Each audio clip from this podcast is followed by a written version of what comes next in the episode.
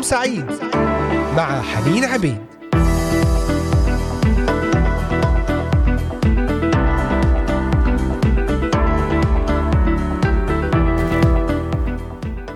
أهلا وسهلا بكم جميعا أحبائي المستمعين والمتابعين هنا إذاعة صوت الأمل من الأراضي المقدسة وبرنامج نهاركم سعيد. أطيب وأجمل التحيات لكم جميعا أينما كنتم تستمعون إلينا في هذا البث الحي والمباشر. معكم حنين عبيد على الهواء مباشرة. تحياتي إلى جميع المستمعين والمستمعات من مختلف بلدان الشرق الأوسط بلدان أوروبا كندا أمريكا أستراليا أحبائي أيضا في الأراضي المقدسة أهلا بكم بإمكانكم الاستماع إلينا من خلال قناة اليوتيوب إذاعة صوت الأمل بث مباشر وعلى تطبيقات الهواتف النقالة Voice of Hope Middle East وعلى موقعنا الرسمي voiceofhope.com أهلا بكم على صفحة الفيسبوك إذاعة صوت الأمل. تواصلوا معنا بأي تعليقات ومشاركات أفكار وطلبات صلاة. أيضا على منصتي التليجرام والإنستغرام Voice of Hope لإذاعة صوت الأمل. بإمكانكم الاستماع إلى هذه الحلقة وحلقات برامجنا على منصات البودكاست Spotify Deezer Amazon Music Castbox Apple و Google Podcast ومنصة Podbean ضمن سلسلة هل يمكن أن تشفى من مشاعر المرارة نتحدث اليوم عن شخصية أخرى دمرتها المرارة وهي شخصية أخي توفل. عندما تدخل مشاعر المرارة عقل إنسان يخرج منه المنطق. ما أعمق هذه الجملة ما أقواها. عندما تدخل مشاعر المرارة عقل إنسان يخرج منه المنطق. من هو أخي توفل؟ أخي توفل اسم معناه أخو الجهل.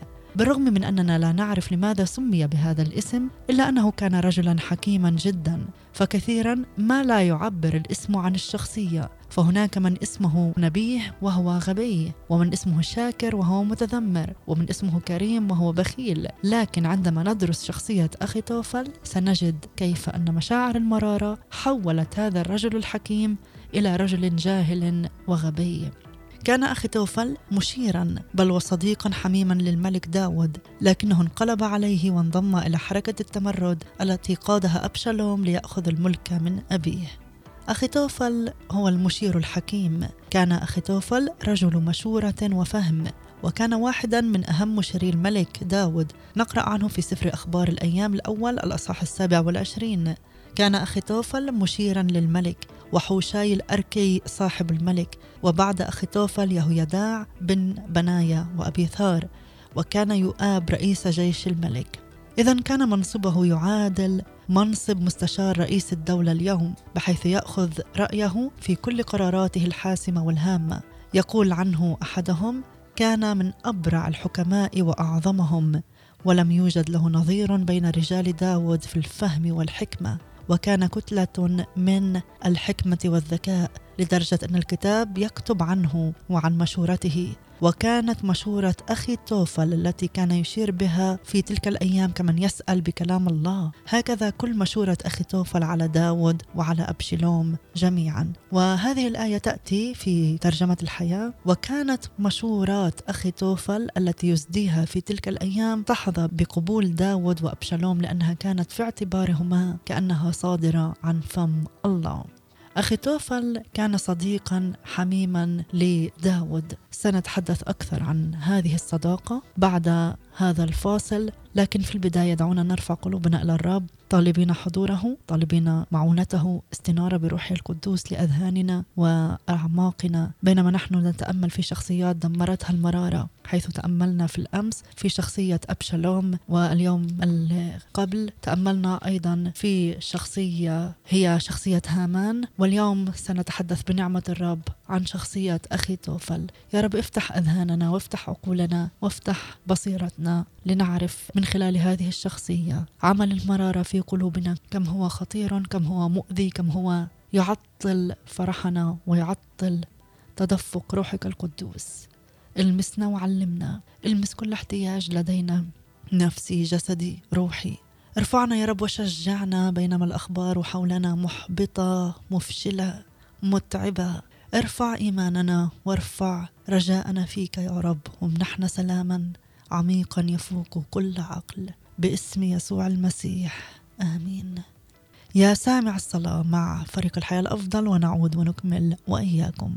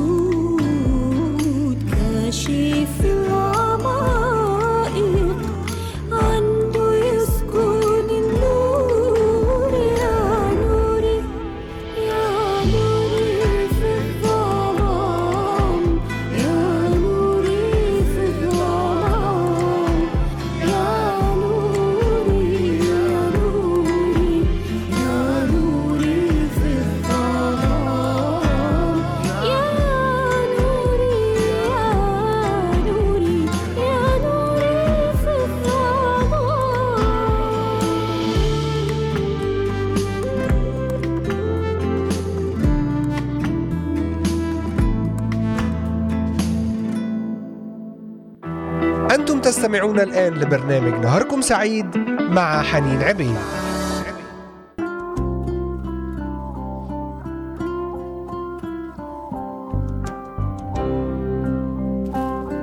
أخي توفل والصداقة الحميمة مع داود. كان أخي توفل من أقرب الناس إلى الملك داود فكانت تربطهما صداقة قوية وعميقة. ولم يكن داود يعتبر أخي توفل مجرد مستشار له فحسب بل كان من أقرب الأصدقاء له. وإذا أردت أن تعرف إلى أي مدى كانت تربطهما صداقة حميمة فاقرأ مزمور الخامس والخمسين والذي يقول عنه معظم المفسرين أن داود كتبه وقت أن غدر به أخي توفل وانضم إلى أبشلوم لكي ينتقم منه. نقرأ لأنه ليس عدو يعيرني فأحتمل.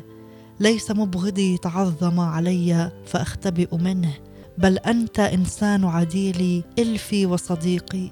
الذي معه كانت تحلو لنا العشرة. إلى بيت الله كنا نذهب في الجمهور.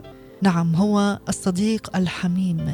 صحيح كان داود يكتب بروح النبوة لربما عن يهوذا الإسخريوت الذي باع سيده بالثلاثين من الفضة وكانت علامة تسليمه لهم القبلة الخادعة الغاشة ولكن كانت عينه في ذلك الوقت على أخي توفل. وهنا يصف داود علاقته بأخي توفل بأنه صديق بل ويقول عنه إلفي وهي كلمة تحمل مشاعر الألفة والود والحب الشديد. فربما كانت صداقته تتساوى مع صداقته ليوناثان وإذا أردنا أن نعرف أكثر عن هذه الصداقة نتأمل في العبارة الذي معه كانت تحلو لنا العشرة وهي تحمل رنين الماضي الجميل الحافل بأرق المشاعر وأجمل الذكريات وهي تعبر عن أنه لم يكن قريبا من عقله فحسب بل من قلبه أيضا ولم تكن العلاقة بينهما مجرد علاقة اجتماعية فحسب بل كانت روحية داخل بيت الله فيقول إلى بيت الله كنا نذهب في الجمهور. ولكن تهاوت الصداقة لأن أخي توفل قبل أن يفقد هذه الصداقة فقد الصلة بالله وببيته. هذا عن صداقة أخي توفل وداود وماذا عن سر المرارة من داود؟ اعتقد أن داود لم يتوقع إطلاقا أنه سيأتي يوم من الأيام ويتحول فيه أخطوفل إلى عدو بل وأكثر من ذلك أن يطلب حياته. وهنا نرى الطبيعة البشرية المتقلبة فما أكثر الأصدقاء. أصدقاء الأمس نجدهم اليوم أعداء والعكس صحيح. وليتنا نتعلم الدرس الهام أنه لا يوجد سوى صديق واحد ألصق من الأخ. لا يتغير لا يتبدل على الإطلاق في حبه لنا. قال عنه داود إن أبي وأمي قد تركاني والرب يضمني. وقال عنه بولس في احتجاج الأول لم يحضر أحد معي بل الجميع تركوني لا يحسب عليهم ولكن الرب وقف معي وقواني. إذا الرب يضمني الرب وقف معي وقواني. ونأتي إلى السؤال الهام. لماذا انقلب أخي توفل على داود؟ لماذا انقلب أخي توفل على داود؟ سنعرف الإجابة بعد هذه الترنيمة. ابقوا معنا.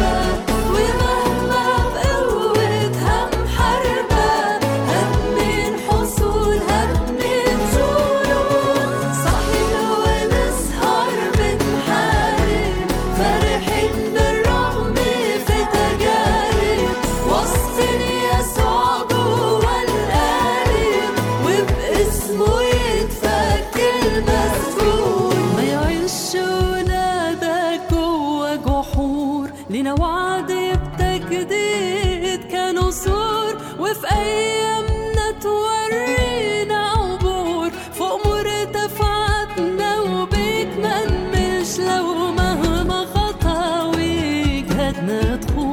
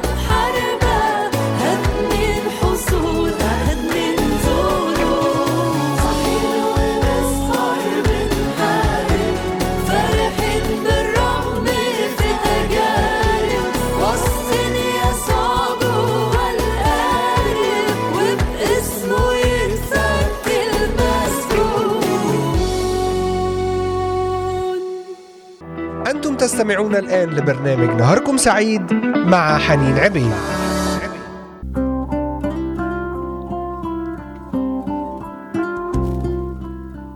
عدنا إليكم أحبائي المستمعين في هذه الحلقة ضمن برنامج نهاركم سعيد وسلسلة هل يمكن أن نشفى من مشاعر المرارة؟ نتحدث عن شخصيات دمرتها المرارة. واليوم مثال أخي توفل.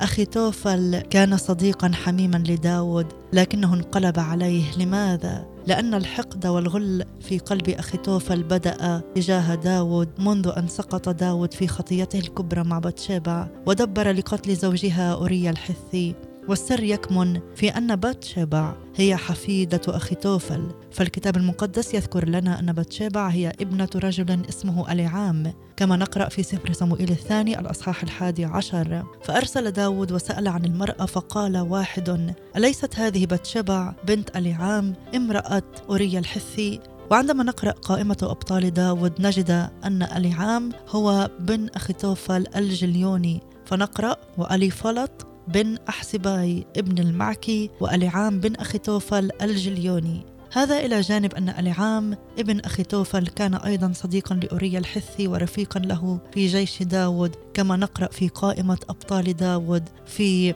سفر صموئيل الثاني الأصحاح الثالث والعشرين. ومنذ لحظة سقوط داود مع باتشبع وامتلأ قلب أخي توفل بالغضب والكراهية لداود. فكلنا يعلم أن هذه الخطية ولا سيما في مجتمعنا تعتبر اغتيالا للشرف والكرامة ولذلك لم يستطع أخي توفل أن يغفر لداود. كيف تعامل مع المرارة؟ لم يذكر لنا الكتاب المقدس أن أخي توفل غضب أو انفعل أو شتم أو عاتب داود لكنه كتم الأمر في نفسه وهنا الكارثة. فعندما نكبت الغضب يتحول إلى رغبة في الانتقام والتدمير. لذلك قال يسوع في إنجيل لوقا الأصحاح السابع عشر احترزوا لأنفسكم وإن أخطأ إليك أخوك فوبخه وإن تاب فاغفر له. فيا ليته كان قد وبخ داود أو شتمه وعبر عما في قلبه من ألم وضيق ومرار لكنه لم يفعل وكانت النتيجة أنه عندما سمع عن حركة التمرد التي قام بها أبشالوم ضد أبيه ليأخذ الملك منه ذهب إلى أبشالوم وانضم إليه وفوجئ داود في هذا الخبر وأخبر داود أن أخيتوفل بين الفاتنين مع أبشالوم. فما كان منه إلا أن صرخ للرب قائلا حمق يا رب. مشورة أخي توفل. فهو يعلم خبرة وحنكة وحكمة أخي توفل. ماذا فعلت المرارة في هذا الإنسان؟ المرارة عندما تتمكن من إنسان فإنه تجعله مدمرا للآخرين ومدمرا لنفسه.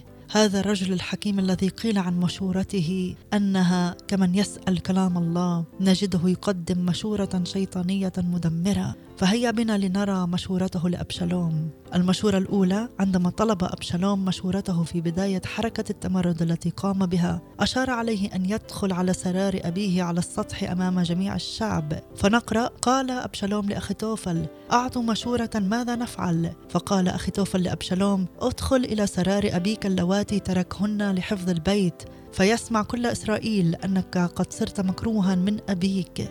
فتتشدد أيدي جميع الذين معك. فنصبوا لأبشالوم الخيمة على السطح ودخل أبشالوم إلى سرار أبيه أمام جميع إسرائيل. يا لها من مشورة فاسدة نجسة تبين عمق الشر والكراهية والحقد والمرارة التي تملأ قلبه تجاه داود. والسرية هي الجارية المملوكة ولكن هي أعلى منزلة من الجارية. وأقل منزلة من الزوجة وكانت عادة اتخاذ السراري شائعة في العهد القديم وكان للزوج الحق في أن يأخذ العديد من السراري علاوة على زوجته الحرة. وكنا يخضعن للزوجة وكان لأبناء السرية الحق في الميراث وحفظت الشريعة الموسوية السراري حقهن وكان من السهل تطليقهن وهذا بالنسبة للسواري. وقد كان داود هرب من وجه أبشالوم قد ترك عشر سراري. لحفظ البيت لحفظ البيت. ولكن ها هو أخي توفل يشير عليه بأن يدخل عليهن أمام جميع إسرائيل. والسر الحقيقي من خلف هذه المشورة يكمن في أنه أراد أن ينتقم من داود بنفس الطريقة. فكما جلب داود العار على حفيدته أراد أن يجلب العار على داود وبيته. يقول أحدهم لقد تم هذا على السطح الذي سبق فتمشى عليه داود ليختلس نظرة شريرة لامرأة غريبة. هو ذا ابنه يضطجع مع سراريه علنية في ذات الموقع. وبالرغم من مرور حوالي خمسة عشرة سنة على ما فعل داود ببتشيبة إلا أن الزمن لم ينسه ما حدث ومشاعر المرارة تملكت منه فأراد الانتقام. هذا بالنسبة للمشورة الأولى ما هي المشورة الثانية التي أشار بها أخي توفل؟ بحسب معرفته لداود وبطريقة تفكيره وكيفية إرادة إدارته للحرب كفيلة بأن تقضي عليه فقد كان أخيتوفل يريد أن ينتخب 12 ألف رجل ويباغته بهجمة قوية وهو متعب ومرهق وفي نفس اليوم الذي هرب فيه وقبل أن يستقر وينظم جيشه وبسبب الإرهاق الشديد وعنصر المفاجأة سيتركه الجميع ويبقى داود وحده فيقتله أخيتوفل ويرجع كل الشعب إلى أبشالوم كما نقرأ في سفر صموئيل الأول الأصحاح السابع عشر. سنعود لنكمل في هذه المشهورة الثانية بعد هذه الترنيمة. ابقوا معنا. ما تتعلق بشخصك وتلاقيك في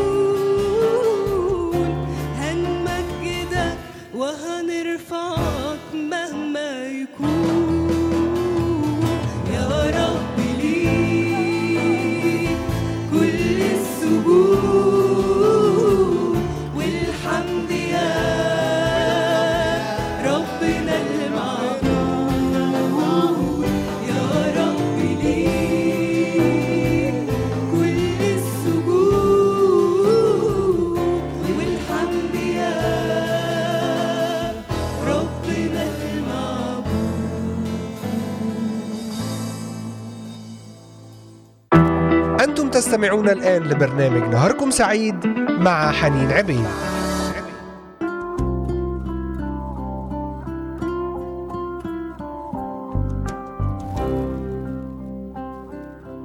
نكمل في قصة داود وأخي توفل ونلاحظ في المشورة الثانية أنه يريد أن يقتل داود بنفسه وكأنه يريد أن ينتقم أيضا لدم أوريا الحثي. لكن عين القدير كانت ساهرة على داود فهناك قصد إلهي أزلي لا بد أن يتم من خلال داود. لذلك أبطل الله مشورة أخي توفل. واستخدم في ذلك حوشاي الأركي الذي كان داود قد أرسله بطريقة خبيثة لينضم إلى أبشالوم ورجاله وكأنه سيحارب معهم. بينما هو سيعمل جاسوسا لداود ويخبره بكل ما يفكر فيه أبشالوم. وكان حوشاي رجل حكمة ومشورة أيضا لذلك طلب منه أبشالوم المشورة. فأقنعه بمشورة غير مشورة أخي توفل وبلغ بها داود حتى يحتاط للأمر. ملخص مشورته هو داود رجل الحرب وسيتوقع ما أشار به أخي توفل. لذلك لن يبيت هذه الليلة مع الشعب وإنما سيختفي في مكان مجهول ولن يصل إليه رجال أبشالوم التسرع في الحرب ليس في صالح أبشالوم لأن رجال داود وإن كانوا قلة لكنهم أقوياء وجبابرة. لذلك فالتأني مهم حتى يجمع جيشا أكبر. فلماذا يكتفي باثني عشر ألف رجل؟ وشعبه ممتد من دان إلى بئر سبع. فعندما يهجم بجيش كبير سيقضي على داود وجيشه. ثالثا الأمر لا يحتاج إلى قتل داود وحده بل إلى قتل كل رجاله أيضا حتى يستريح أبشالوم تماما. رابعا هذه الحرب الأولى التي يخوضها أبشالوم لذلك ينبغي أن يكون وسط رجاله. هذه المشورة وجدت القبول والرضا لدى أبشالوم لأنها أخافته من جهة التسرع وطمأنته من جهة قدرته وقدرة رجاله. وأشبعت كبرياءه. إن تأنى ليجمع كل الشعب تحت قيادته ويقضي على داود وكل رجاله. فنقرأ قال أبشالوم وكل رجال إسرائيل إن مشورة حوشاي الأركي أحسن من مشورة أخي توفل. وكان السر الخفي وراء ذلك هو الله وقد كان الأمر من قبل الرب كما نقرأ. وهنا نرى الله صاحب السلطان المطلق على الناس والأحداث. وهو الذي يدير دفة التاريخ كما يشاء. أبطل الله مشورة أخي توفل الثانية وسمح بأن ينفذ بأبشالوم الأولى فهي جزء من العقاب الإلهي على داود. قال له الرب على لسان ناثان هكذا قال الرب ها أنا ذا أقيم عليك الشر من بيتك وآخذ نساءك أمام عينيك وأعطيهن لقريبك فيضطجع مع نسائك في عين هذه الشمس لأنك فعلت بالسر وأنا أفعل هذا الأمر قدام جميع إسرائيل وقدام الشمس. يا له من عقاب فظيع دينونة فظيعة شخصيات دمرتها المرارة شخصية أخي توفل. كيف كانت نهاية أخي توفل؟ سنعرف هذا بعد هذه الترنيمة. ابقوا معنا.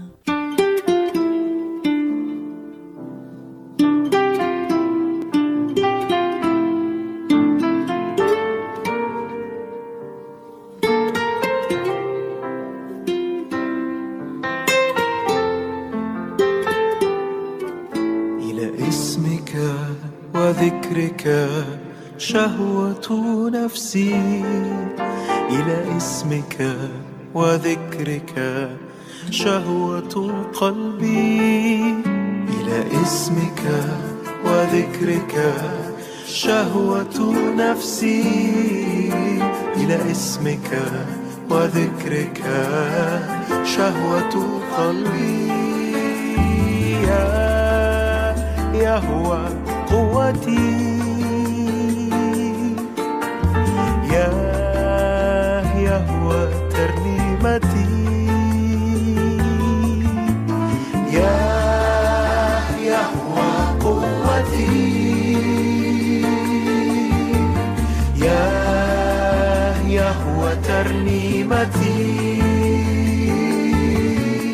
أغني لاسمك مالكي فأنت أغنيتي أنت إلهي خالقي ونبع قوتي.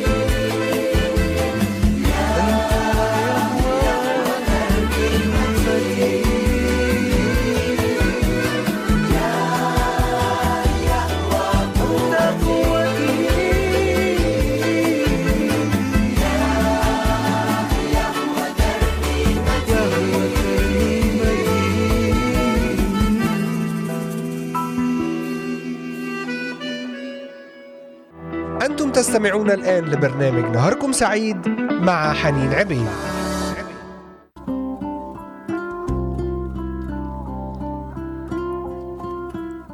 أحبائي المستمعين تحدثنا في هذه الحلقة ضمن سلسلة هل يمكن أن نشفى من مشاعر المرارة عن شخصية أخي توفل؟ مثال من العهد القديم لشخصية دمرتها المرارة.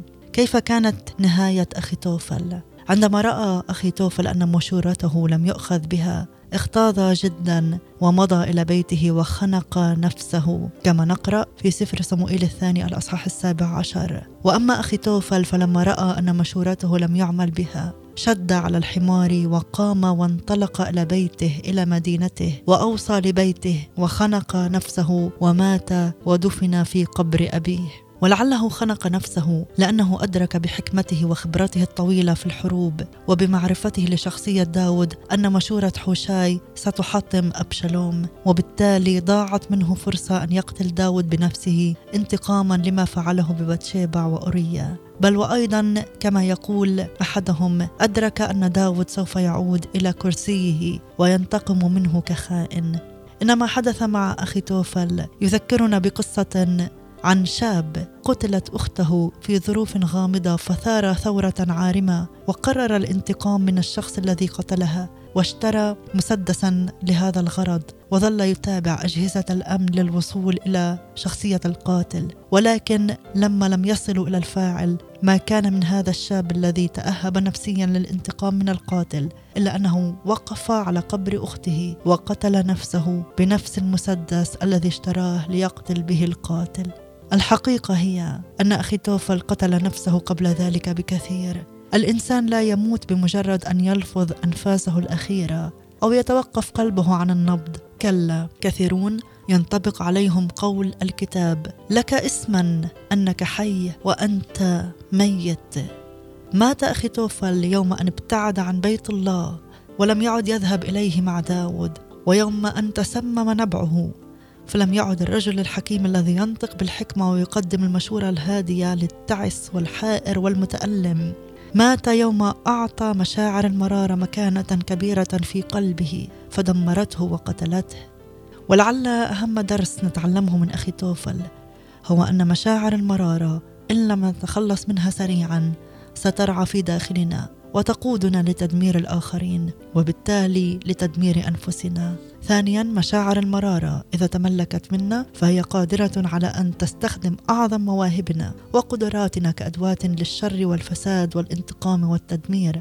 ألم تستخدم حكمة أخي توفل ليقدم أشر المشورات؟ وثالثا مشاعر المرارة. عندما تسيطر علينا فإنها تفقدنا أجمل ما نملك. قد دمرت الصداقة الحميمة. والعقل المستنير والقلب المحب والذكريات الحلوة. أحبائي رأينا في هذه الحلقات ثلاث شخصيات دمرتها المرارة. كان أولها شخصية هامان الذي دبر لإبادة وقتل شعب بأكمله فقتل هو وصلب هو على الخشبة التي أعدها لمردخاي ورأينا في الشخصية الثانية التي دمرتها المرارة شخصية أبشالوم. وأيضا قتل أبشالوم. علق من شعره في شجرة فقتله أحد أفراد الجيش. وأيضا الشخصية الثالثة التي تأملنا فيها اليوم أخي توفل. المرارة تقتل صاحبها المرارة تمرر صاحبها المرارة تسمم صاحبها وتنقلب كل مؤامراته راسا على عقب تنقلب عليه. في الحلقات القادمة بنعمة الرب سوف نتأمل في شخصيات أيضا انتصرت على المرارة. كيف انتصرت على المرارة؟ سيكون هذا موضوع حديثنا في الحلقات القادمة بنعمة الرب يوم الاثنين. نصلي يا رب أن يكون كل ما تعلمناه اليوم عن خطورة المرارة ومشاعر المرارة وكبتها استنارة منك في قلوبنا. يا رب أعطنا بمجرد أن نشعر في هذه المشاعر أن نتخلص منها في بدايتها ولا نسمح لها أن تتغلغل في أعماقنا وتتفاقم وتنتشر كسم في كياننا بل أن نتخلص منها ومن عواقبها. شجعكم أعزائي أيضا أن ترجعوا إلى هذه القصص وتقرأوها في الكتاب المقدس لكي تستنيروا لكي يعمل الرب فيكم. صلي يا رب من أجل أي احتياجات خاصة لشعبك لأولادك وبناتك احتياجات للراحة للسلام للهدوء. هناك من لا يستطيعون النوم أرق وتفكير وانزعاج وأحلام مزعجة. صد يا رب بسلامك ونعمتك على الأذهان والقلوب والعقول. أعطي راحة لشعبك. استرنا بستر جناحيك يا رب هذه الأيام. كمل ما بدأته فينا كل عمل صالح. كل أمور منك يا رب تزداد وكل أمور ليست منك تنقص وتقل. بركتك على شعبك يا رب تسديد لكل احتياج. باسم الرب يسوع المسيح. آمين آمين. تعالوا نختتم هذه الحلقة بترنيمة مع المرنم زياد شحادي. اظهر عمل النعمة ولنا لقاء جديد بنعمة الرب يوم الاثنين ضمن برنامج نهاركم سعيد. عند الواحدة بتوقيت القدس من إذاعة صوت الأمل. هذه تحياتي ومحبتي كانت معكم حنين عبيد. إلى اللقاء.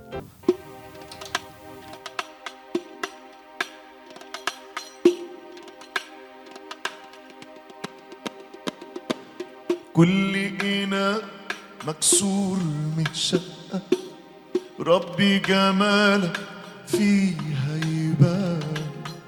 فاضي ولكن فيك بنصدق. فيض مش بس يكون مليان. شكرا ليك على تعبك فينا.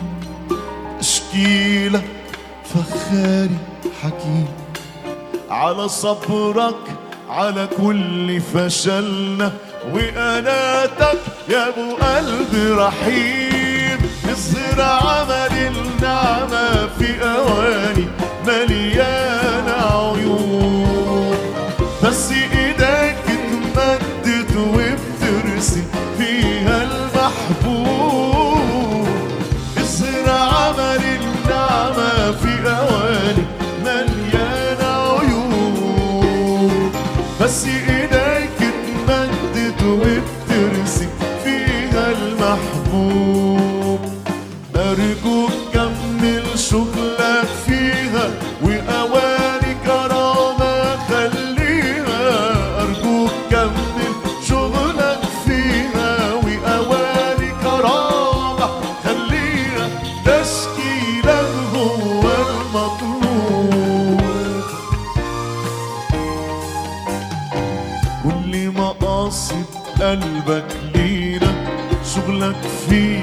شيء مضمون.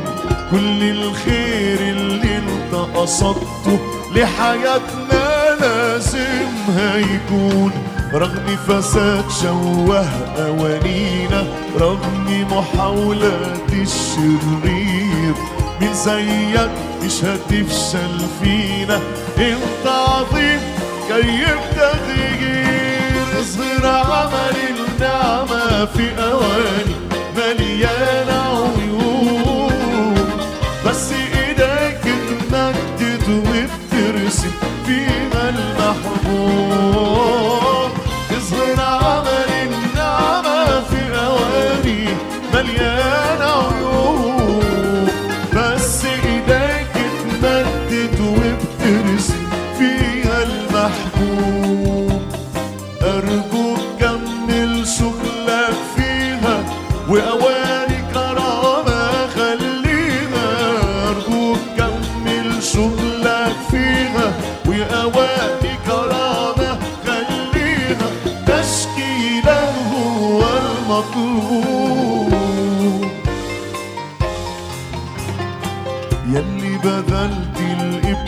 عشاننا وعطتنا معاه البركات. قادر تشبع فينا نفوسنا وتعيشنا السماويات لينا رصيد النعمة هيفضل من قلبك دايما بيفيد.